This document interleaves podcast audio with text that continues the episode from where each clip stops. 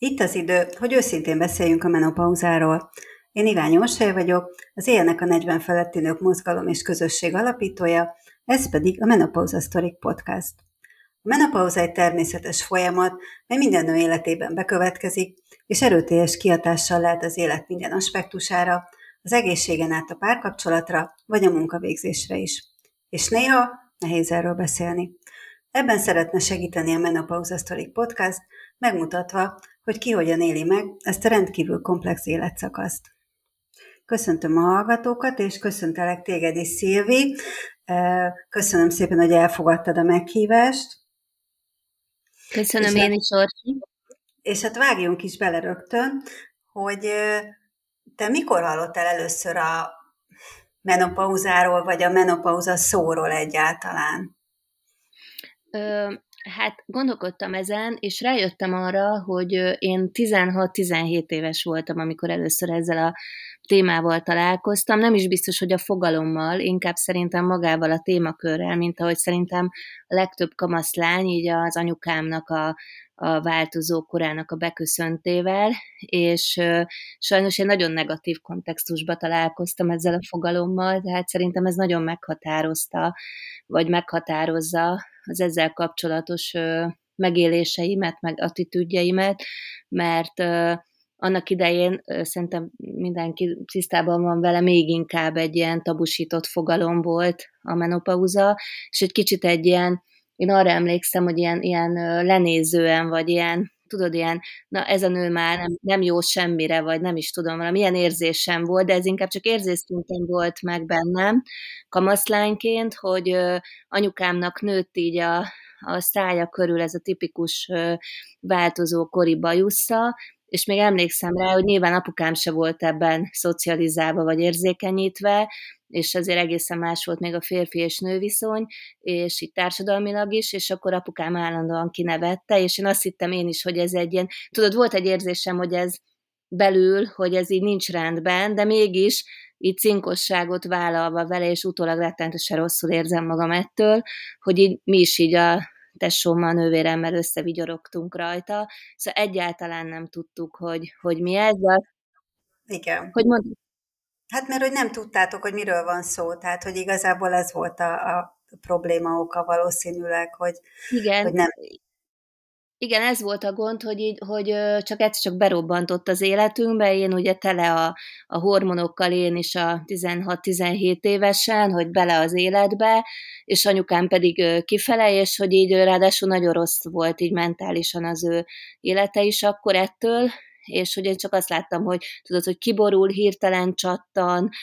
rossz kedvű, akkor a kinevettük nyilván nem esett jól neki, de ő maga sem beszélt róla. Tehát, hogy mondjuk még ő sem mondta azt, tudod, hogy, hogy de ne nevessetek már rajtam, hát ez az életnek a rendje, hogy ebbe az állapotban vagyok, hanem valahogy ő is úgy reagált, hogy igen, ez egy szégyelni való dolog, és ő már nincsen abban a helyzetben az életben, hogy ezt így meg tudja magát védeni ebben, vagy, vagy kiálljon magáért. Úgyhogy én ezt így, így utólag rettenetesen sajnálom, és az a szomorú benne, hogy amikor az enyém elkezdődött, akkor jöttem rá erre, tehát nem hamarabb.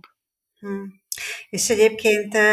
mennyien vannak még most is így sajnos, ahogy, ahogy leírtad az anyukádat, ugye, hogy, hogy nem mernek róla beszélni, nem akarnak róla, vagy nem tudják, hogy beszéljenek róla, tehát hogy, hogy tényleg nagyon sokan még mindig ez a csendben szenvednek, de, de azért szerencsére én is látom a, a, ugye a menopauza forradalom zajlik, legalábbis külföldön, nálunk még egy kicsit visszafogottabb módon, de hogy visszatérve rád, hogy, hogy amikor nálad elkezdődött, akkor egyből be tudtad azonosítani, hogy hoppá, akkor ez ugyanaz, mint ami az anyukámmal történt? Nekem pont emiatt a nagyon negatív indulás miatt volt egy ilyen megelőlegezett szorongásom a menopauzától, mert azt gondoltam, hogy ha az ember belelép ebbe a korba, akkor onnantól kezdve értéktelenné válik. Tehát ezt így konkrétan ezt gondoltam, hittem, ezért rettegtem tőle, tehát én emlékszem rá, hogy ilyen 35 éves korom, amikor a legjobb formámban voltam, akkor is szorongtam attól, hogy ez már nem sokáig lesz így, majd elkezdek lepusztulni, bajuszom elhízok, nem tudom, tehát minden, amit így láttam, és nagyon féltem tőle, és igazából nekem 45 éves koromban kezdődött el igazán, a, én azt gondolom, akkor indultam el ezen az úton, és nekem valójában most is ugyanaz a problémám ebből az egész témakörrel, nekem a menopauza egyenlő elhízás, tehát tök fura, mert nagyon más tüneteim is vannak, mint az elhízás, vagy ez a súlytéma, de semmelyik nem billent ki engem lelkileg annyira, mint a súlyjal kapcsolatos problémakör, meg az egész testalkat változással kapcsolatos témák, témáim. A többi ezzel hangulatváltozások, a száraz bőr, a nem tudom, tehát egy csomó olyan, ami még így ilyen járulékos helyzet, mhm. ezeket én tök jól tudom kezelni. Ezek egyébként engem nem is szinte észre se veszem, tudod, tehát amikor utána néztem, hogy benne vagyok-e már, mert ez az el tuti, hogy az, meg minden, akkor jöttem rá, hogy ezek is azok, de nekem ezek nem, nem zavaróak, vagy így nem akadályoznak az életvitelembe, úgyhogy ezek nem problémásak nekem. És a, az elhízás az, az amiatt zavar szerinted, mert hogy Nyilván zavarja az ember, hogyha az, az embert, ha feljön pár kiló, de hogy azért, mert, mert megváltozott a testképed, és ezt nehezebb feldolgozni? Nekem az elhízás az egyenlő öregedés. Tehát úgy van a sorrend, hogy menopauza, nekem egyenlő elhízással az én esetemben, és az egyenlő az öreg nővel, tudod, aki elhízik, az öregebbnek néz ki, és, és ugye én egy ilyen klasszikus körte alakú nő vagyok, akinek ugye a felső teste, tudod, vékonyabb, kisebbek a melleim, vékony a vállam, és vékony a derekam, és, és szélesebb a csípőm. És ugye mivel én egész életemben nagyon vékony nő voltam, de nem nagyon, hanem ilyen, tudod, egy normál alkotú, de vékony típusú lány voltam,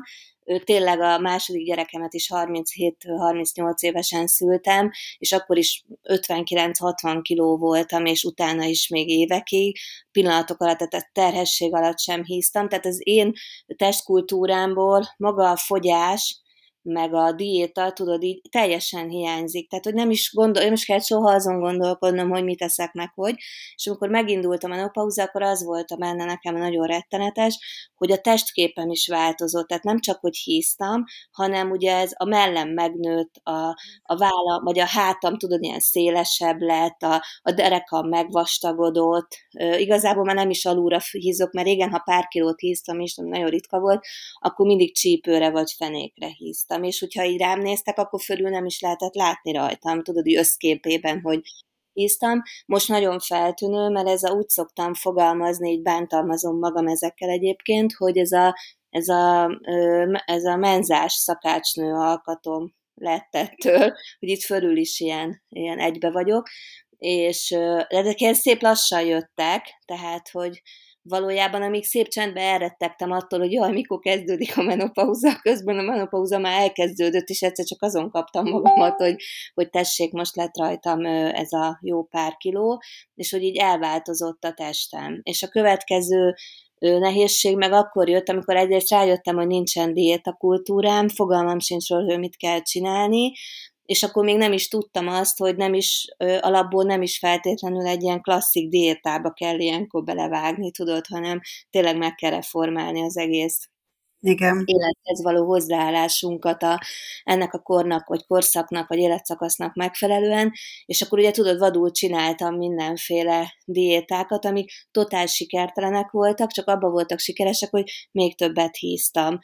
És akkor így nekem az első három-négy éve, a, most vagyok, most 51 leszek idén, az egy ilyen, hát tényleg egy ilyen sötét korszak volt, de mondom kifejezetten az elhízás miatt, és nyilván lett nagyon komoly hangulatváltozásom, de igazából én ennek tudom be, hogy, hogy nem voltam boldog ettől, hogy, hogy nem tudok magamra úgy nézni, ahogyan szeretném, és akkor a, az alapmondat, amitől rosszul voltam, és most is kiver a víz, persze anyukám mondta, ugye, aki már átment ezen, hogy mikor mondom azt, hogy jaj, annyira nem szeretem, hogy így el vagyok hízva, és anyukám azt mondja, kislányom, hát asszonyos vagy, az annyira jó. És tudod, ettől uh-huh. így olyan Igen. szinten, hogy nem gondolom, hogy nem, tehát nekem a korom az nem problémás, én imádom ezt a kort. De, de az, hogy nem tudok, és nem, nem akarok 60 kilós lenni, hanem egyszerűen csak jól szeretném érezni magam a, a testembe, és akkor ezek a mondatok ilyen nagyon, meg amikor azt mondják, tudod, hogy de Szilvi, te így is szép vagy. Na, ettől megint csak ledobom a látszott, ez így is.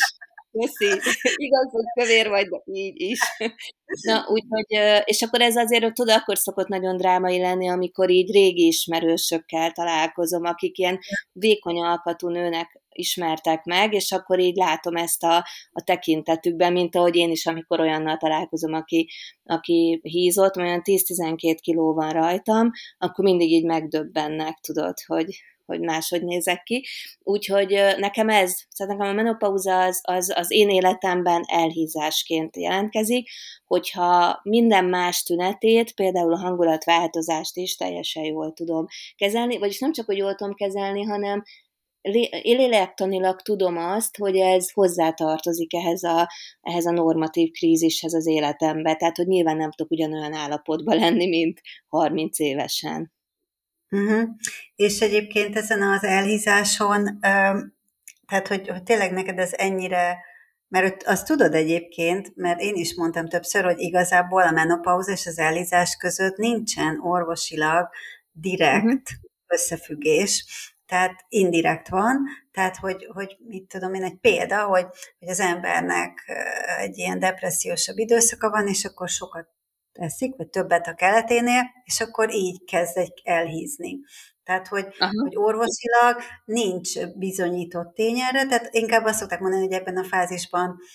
hajlamosabb az ember az elhízásra, de egyébként én is ugyanígy voltam, ahogy te, tehát hogy ne, nekem is szép lassan 12 kiló feljött, és én is évek alatt dolgozom le, tehát hogy, hogy most Aha. azt hiszem három évnél tartok, és és már lement 8 kiló, még van három mondjuk, most megyek utána a konditerembe megint. De hogy, de hogy egyébként, ahogy mondtad, hogy megváltozik az embernek ez a kicsit így a, az én képe magáról, hogy már nem olyan, mint amilyen volt. Szerintem ez az egyik ilyen legnagyobb elfogadás itt ebben a menopauzában, hogy egy csomó minden így változik meg, hogy már nem lesz olyan, mint volt. És ugye ezt tök nehéz elfogadni, hogy bármit csinálsz, nem leszel olyan, mint öt éve vagy tíz éve. Igen, de erre, hogyha leszámítom a, az elhízást, akkor én azért úgy minden életszakaszomban valahogy utólag rájöttem, tudod, hogy, hogy mondjuk visszanéztem öt év múlva egy fotómat, hogy egyébként baromi jól néztem ki. Mm-hmm. És én most is úgy gondolok erre, hogy, hogy mindig ez az, ami így teljesen tud tölteni ebben a kérdésben, hogyha mondjuk 55 évesen majd megnézem az 50-es éveimben készült fotóimat, akkor azt fogom látni, hogy, hogy milyen üde voltam még mondjuk az 55-höz képest, aztán 60-ban, majd az, az 55-nél, érted? Tehát, hogy ez nem, ez nekem olyan, hogy ezt a fajta változást. Nem élem meg olyan drámaian, ráadásul nagyon szerencsés genetikámban ebből a szempontból, mert ö, tényleg az, az van, hogy így az arcomon, vagy a bőrömön nem érzékelem ennek a, hát egy picit talán már látszódnak a, az öregedés jelei, de, de nem, nem az van, hogy nagyon killódnom kell azon, hogy úristen, hogy tudod, valamilyen állapotba hozzam a bőrömet vagy az arcomat. Nyilván ez köszönhető annak is, hogy, hogy soha életemben nem dohányoztam, abszolút nem iszom alkoholt, nem csak most, hanem soha nem voltam ilyen típus, úgyhogy szerintem ez, ez hozzátartozik, meg soha életemben nem ittam üdítőket, csak mindig vizet ittam, tehát fiatal lánykoromtól kezdve, úgyhogy biztos ez így benne van, de, de meg genetikailag sem vagy vagyok annyira rossz helyzetben, úgyhogy ezeket, ezekben én, én azt, azt érzem, hogy, hogy, hogy mentálisan és lelkileg én abszolút benne vagyok a koromban, de ilyen pozitív értelemben tudod, tehát, hogy így, hogy van, van bennem egy ilyen nagy megnyugvás, hogy minden rendben van úgy, ahogy van, kivéve ezt az egy dolgot, és hogy mondtad ezt az edzőtermet, vagy a konditermet, meg azt, hogy te is dolgozol ezen, én tavaly nyár óta nagyon azt gondoltam, hogy fú, most baromi nagy életváltásban vagyok, mert soha életemben nem mozogtam, és elkezdtem futni, konditerembe járni, stb. Én annyit értem el vele, hogy, hogy nem híztam tovább. Előtte folyamatosan híztam, tehát, hogy mindig kajára gondoltam, és mindig híztam és, és akkor lett is egy ilyen, szerintem egy ilyen komoly evészavarom attól tudod, hogy így mindig azon gondolkodtam, hogy mit nem ehetek, és hogy én kimaradok minden jóból már az életből, és nyilván ez kapcsolódik ahhoz a gondolatkörhöz, amivel indítottam, tudod, hogy, hogy a, aki menopauzába lép, az már kimarad a, az élet jó dolgaiból, vagy a megérdemelt dolgokból, vagy nem érdemli már meg. És hogy valahogy nekem ez itt így a mentálisomban is van egy ilyen elakadás, és hogy én annyit, annyit értem el most, hogy nem hízok tovább, ezt, ezt látom, meg formálódtam, de a súlyom ugyanakkora, tehát hogy nem változott semmi, pedig nagyon rendszeresen do, tornázom meg, futok, úgyhogy, és nincsenek egészségügyi hátterei, vagy nincs egészségügyi háttere ennek az elhízásnak, ez valóban így van, mert hogy már kivizsgáltattam magam, tudod, oda-vissza mindenhogy, úgyhogy, úgyhogy nem, nem erről van szó, tehát, hogy én, én azt gondolom egyébként, hogy most azt, azt vettem észre, hogy, hogy ha, ha egy kicsit úgy megengedem magamnak azt, hogy így is kinézhetek, és ez az így is alatt úgy értem csak, hogy, hogy nem ez a világ vége, és hogy minden változik, tehát, hogy ez is változni fog. Mint ahogy előtte is változott, meg ezután is változni fog, akkor kicsit jobban vagyok ebből a részével. És hogy most már lassan kezdem egyébként megszokni, mert előtte még az is furcsa volt, tudod, hogy elmentem egy kirakat előtt, és úgy belenéztem, és azt mondtam, hogy Jézusom, ki ez a nő? Most, most meg már úgy tudom, tehát hogy már nem, nem, nem, él, nem az van, hogy minden kirakat előtt való ellépésnél összeomlok, hanem mondom, hogy oké, okay, most így nézek és egyébként meg milyen formás vagyok. Tudod, ilyen plusz, izé, plusz modell lehet nyugodtan. Úgyhogy, úgyhogy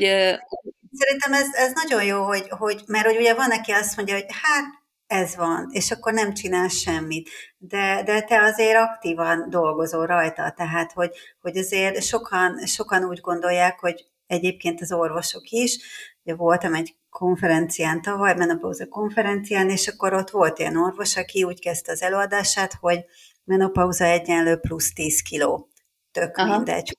hogy genetika, vagy eszel, nem ez, hogy plusz 10 kiló, tehát ugye ezzel számolni kell, tehát így kezdte, és, és azért, ahogy látom, tényleg mindenki bele, bele szalad ebbe előbb-utóbb, és aztán van, aki dolgozik rajta, van, aki meg nem. És, és azért ez fontos szerintem, hogy, hogy, hogy szóval, hogy ebben a menopauzában nem szabad így bele süppedni, hogy na jó, hát akkor ez van, és akkor majd eltelik az az x év, addig ezt így végig szenvedem, meg minden, és akkor utána majd jobb lesz, de lehet, hogy jobb lesz, sőt, nyilván jobb lesz, mert, mert bizonyos tünetek megszűnnek, hogy te is mondod, egyszer, egyszer minden elmúlik, vagy megváltozik, de, de nem szabad szerintem csak így ülni és várni. Ö, igen, mert ez is szerintem onnan jön, amit az elején mondtam, meg beszéltünk, hogy ugye a, amikor mi tini lányok voltunk, és elindultunk a nőiség útján, azért szerintem ez nagyon meghatározó, hogy hogy mész bele ebbe az egész témába, hogy nő, és, és hogy akkor nekem ez volt a, a, az abszolút első találkozásom a nőiséggel, hogy rögtön ott volt a menopauza, amiben bele kell keseredni, el kell hízni, és azt el kell fogadni, és azt szégyelni kell, érted? És hogy ameddig én úgy voltam ezzel az egész témával magamban, hogy, hogy nem is beszéltem róla, de tényleg, tehát én, én, én láttam azt, hogy, hogy hogy nézek ki, de például soha nem beszéltem senkinek róla, mert tudod, kicsit olyan volt, hogy ha nem beszélek róla, akkor nincs.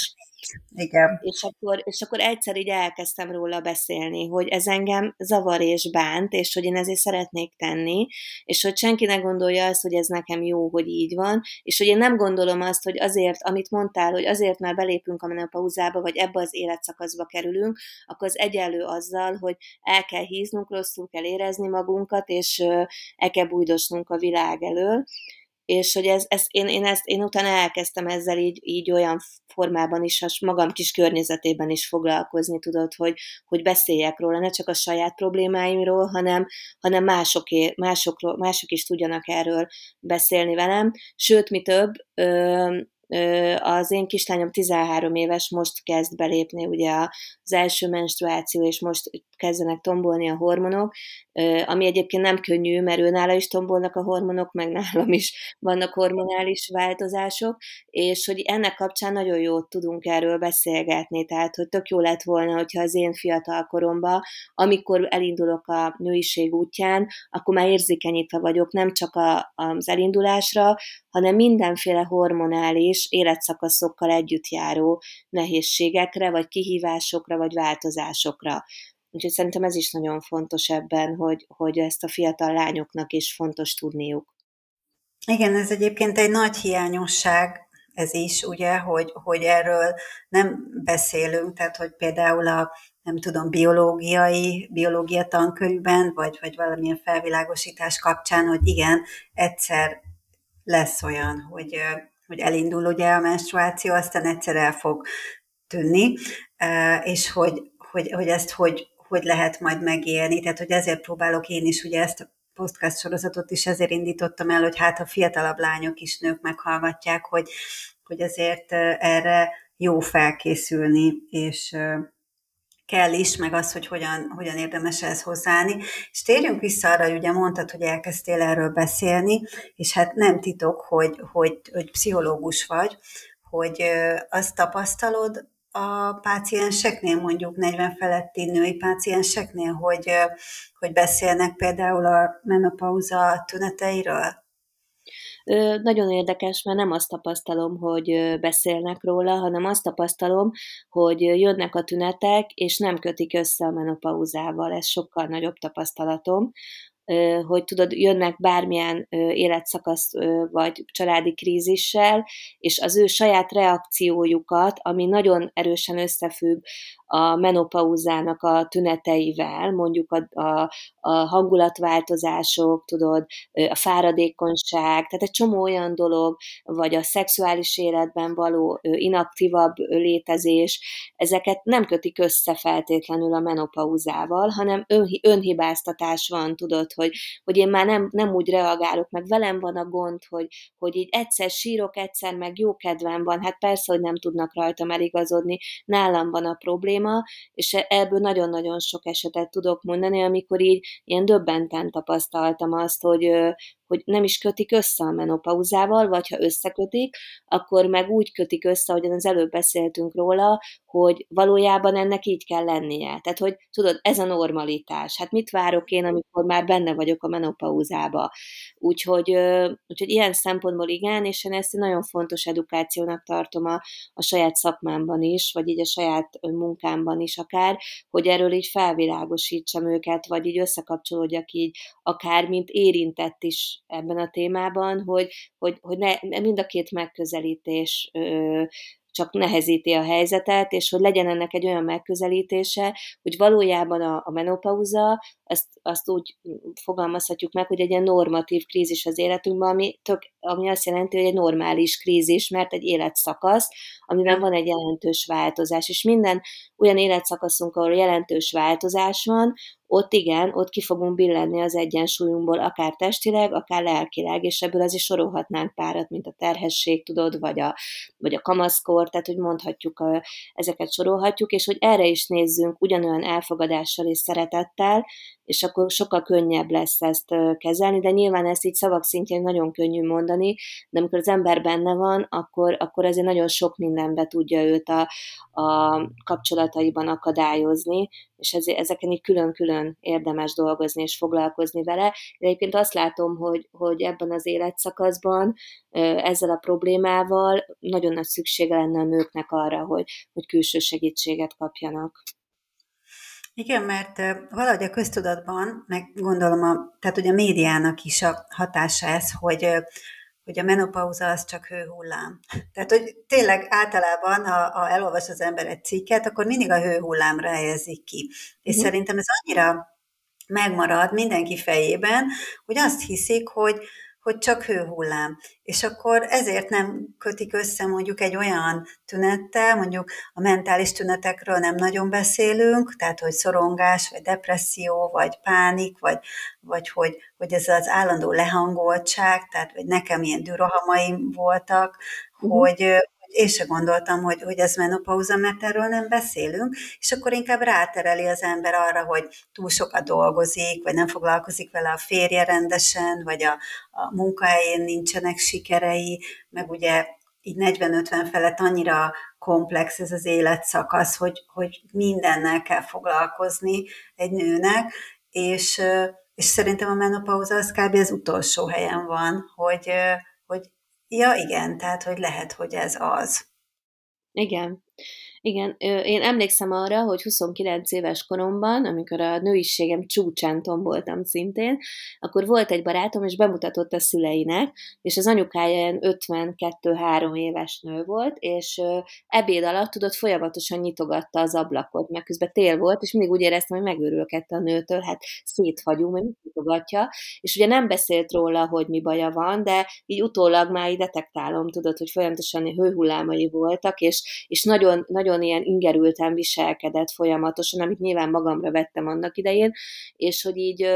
mennyire nem tudtam, pont azért, mert nem voltam erre érzékenyítve szintén, tudod, én együttérző nők, nőtársként benne lenni ebben, hanem ez a fejezze már be, ez egy hiszti, és hogy még szerintem nekünk nőknek is nagyon sokszor, legalábbis most magamból kiindulva, és önvizsgálatot tartva, van egy ilyen attitűdünk, tudod, hogy ez az egész egy ilyen hisztis korszak, és akkor ezt csak el kell viselni a külvilágnak, de szerintem a külvilágnak is rettenetesen fontos, meg a kapcsolatainknak az, hogy, hogy ebbe is össze tudjunk kapcsolódni, és ha ebben tényleg a másik ember is, akár a családunk tud együttérző lenni, akkor szerintem fele ennyire nem viseli meg a nőket a menopauza, attól viseli meg, hogy egy ilyen szégyen hisztiként kell róla gondolkodni.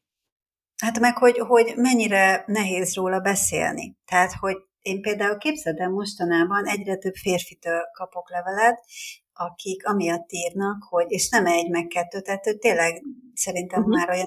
tartok, hogy a feleségük miatt írnak. Hogy, Aha hogy megtalálták a cikkeimet, és hogy, hogy segítsek nekik, hogy, hogy mit csináljanak, vagy, vagy, vagy hogy, hogyan tudnának segíteni nekik, és azért főleg, mert ugye sok nő bezárkózik. Tehát, hogy, mert hogy milyen, ahogy te is mondod, hogy, hogy szégyel beszélni erről, mert ugye itt lehetnek olyan tünetek is, ami tényleg nagyon kellemetlen, tehát, hogy, hogy például egy hugyuti uh, dolog is mennyire meg tudja keseríteni az ember életét, most saját magamról beszélek egyébként. Tehát, Rólam amik... is beszélsz közben, tehát nagyon komoly kontenencia gondjaim vannak, igen. Tehát, hogy, hogy, és ez meg tudja keseríteni ugye a mindennapos dolgokat, a szexuális életet, tehát, hogy, és akkor erről beszélni azért nehéz. És, és sok férfi ír így, hogy jó, de most mit csináljak? Tehát most uh-huh. én hozzam fel, vagy elolvassak egy könyvet, vagy hagyjam őt békén, vagy mi legyen, mert ugye ők látják közelről, hogy szenved, szenved a feleségük, vagy a partnerük, csak tényleg nem tudják, hogy álljanak hozzá ez a témához, és ahogy mondod, hogy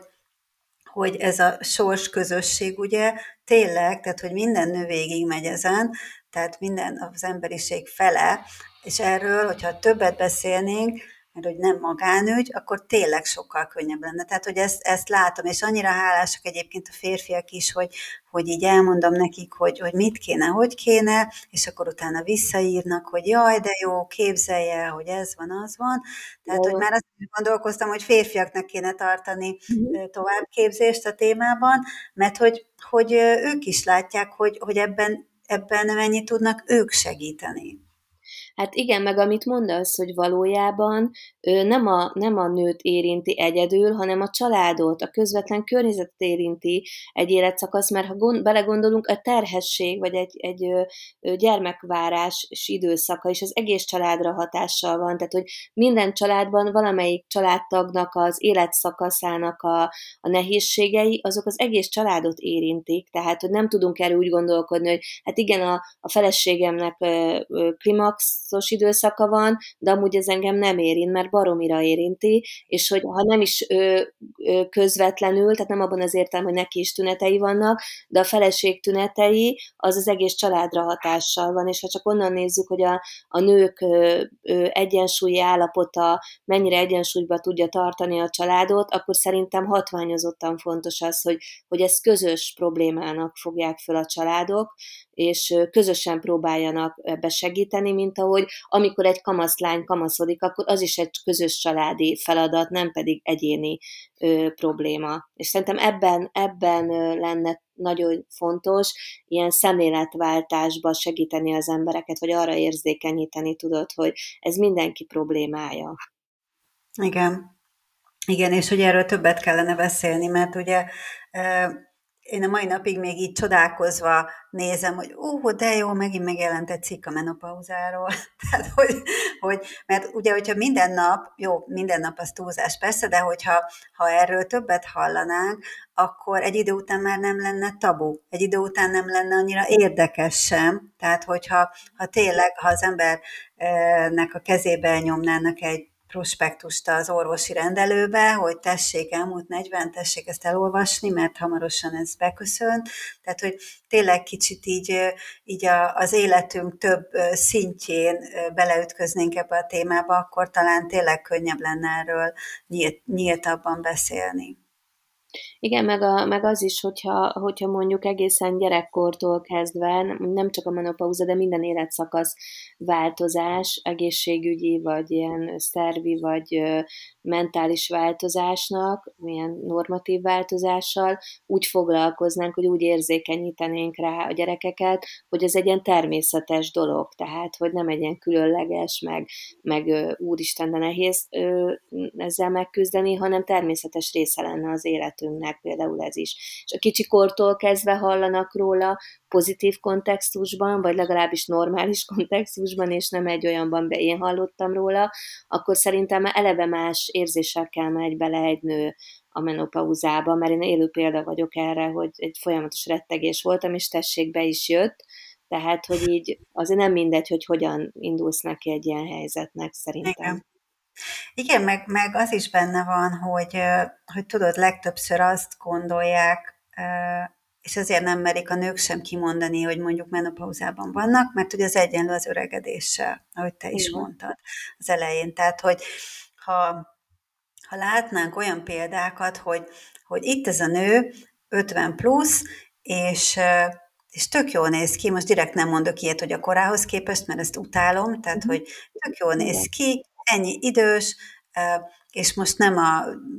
J-Lo effektusra gondolok, hanem normálisan néz ki, tehát hogy egy átlagos nőre gondolok, akkor talán, talán nyilván ez egy nagyon hosszú folyamat, hogy megváltozzon a, a, a hozzáállás az öregedéshez. Mert ugye itt ez a legnagyobb probléma, hogy senki nem akar öreg lenni, nem akar megöregedni, mert hogy annyira rossz a, a, az öregedéssel kapcsolatos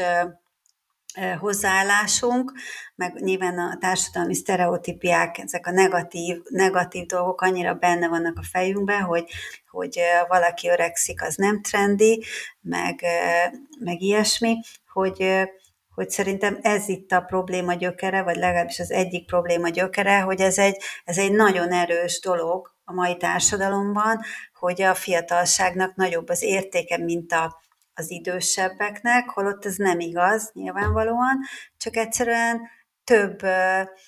vagy inkább úgy fogalmazok, kevesebb példát látunk, kevesebb jó példát látunk, fiatalok sem látnak túl sok jó példát, és ezért retteg mindenki az öregedéstől is. Igen. Igen, nekem is azért az, az szerintem minden nőnek így a fejébe benne van ebbe az idős, vagy, vagy ennyi idős korban, hogy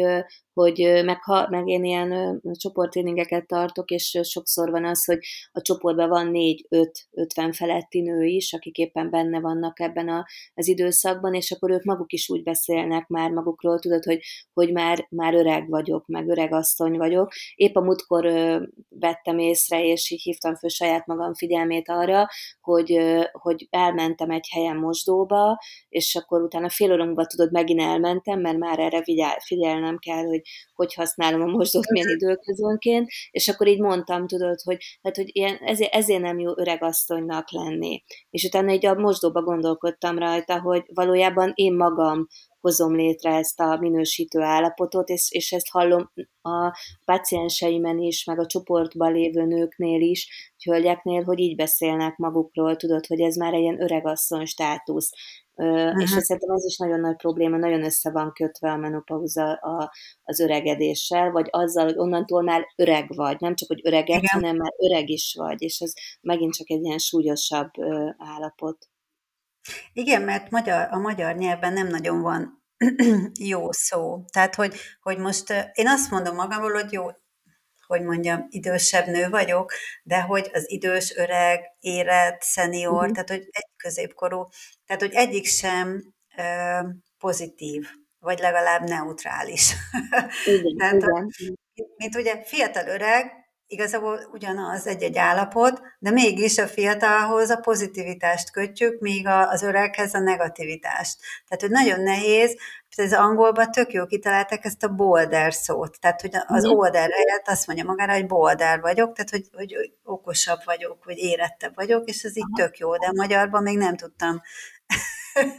rájönni, mi lehetne ez a szó. Igen, ezt nem, nem ártanád kitalálni erre egy olyat, ami tényleg, uh-huh. ahogy mondod, legalábbis neutrális, de inkább egy ilyen pozitív töltető, tehát amihez szívesen kapcsolódsz meg, amilyen csoportba szívesen tartozol. Igen. Igen. Na, köszönöm szépen, Szilvi, szerintem tök, tök jót beszélgettünk. Még egy utolsó kérdésem lenne, hogy, hogy, hogy mit üzennél a nőtársaidnak? Hát, nagyon nehéz erre válaszolni, hogy ebbe a témába kell üzennem. Nagyon jól hangzana, hogyha azt mondanám, hogy, hogy aknázzuk ki ennek az életszakasznak a szépségeit, meg ilyen hangzatos dolgokat, de hogyha meg a, a szakmai énemet nézem, és nem tudok attól elvonatkoztatni, akkor azt, amit mondtam az elején is, hogy, hogy az a tapasztalatom, és az a szakmai nézetem is, hogy ebben az időszakban még fontosabb az, hogy külső segítséget kérjünk. Nem csak pszichológusra gondolok, bármilyen olyan szakember segítségére, aki, aki tud bennünket támogatni, és tud abban segíteni, hogy családilag összefogjunk, és akár családterápia tényleg nagyon messzire is el lehet ebben menni, annak érdekében, hogy, hogy ne szenvedésként éljük meg. Nekem ez a saját tapasztalatom, hogy nekem baromi sokat segített az is, hogy én magam is szakemberhez fordultam, tehát ö, kollégához, hogy segítsen ezt a helyzetet önmagamban ö, menedzselni, ö, átértelmezni, új attitűdöket felvenni, de én mindenkinek ezt javaslom, hogy, hogy, hogy érdemes erről, és azt is, hogy, hogy már nagyon fiatalon kezdjük el a lányainkat, fiainkat ebbe a témába edukálni, és akkor, amikor ide kerülünk, akkor már mindenkinek sokkal, de sokkal könnyebb lesz ehhez, ehhez a témához kapcsolódnia. Igen, igen. Köszönöm szépen, Szilvi. Én is. Folytatjuk, és hát köszönöm a hallgatóknak is, bízom benne, hogy tudtunk újat mondani, és jövünk hamarosan. Sziasztok!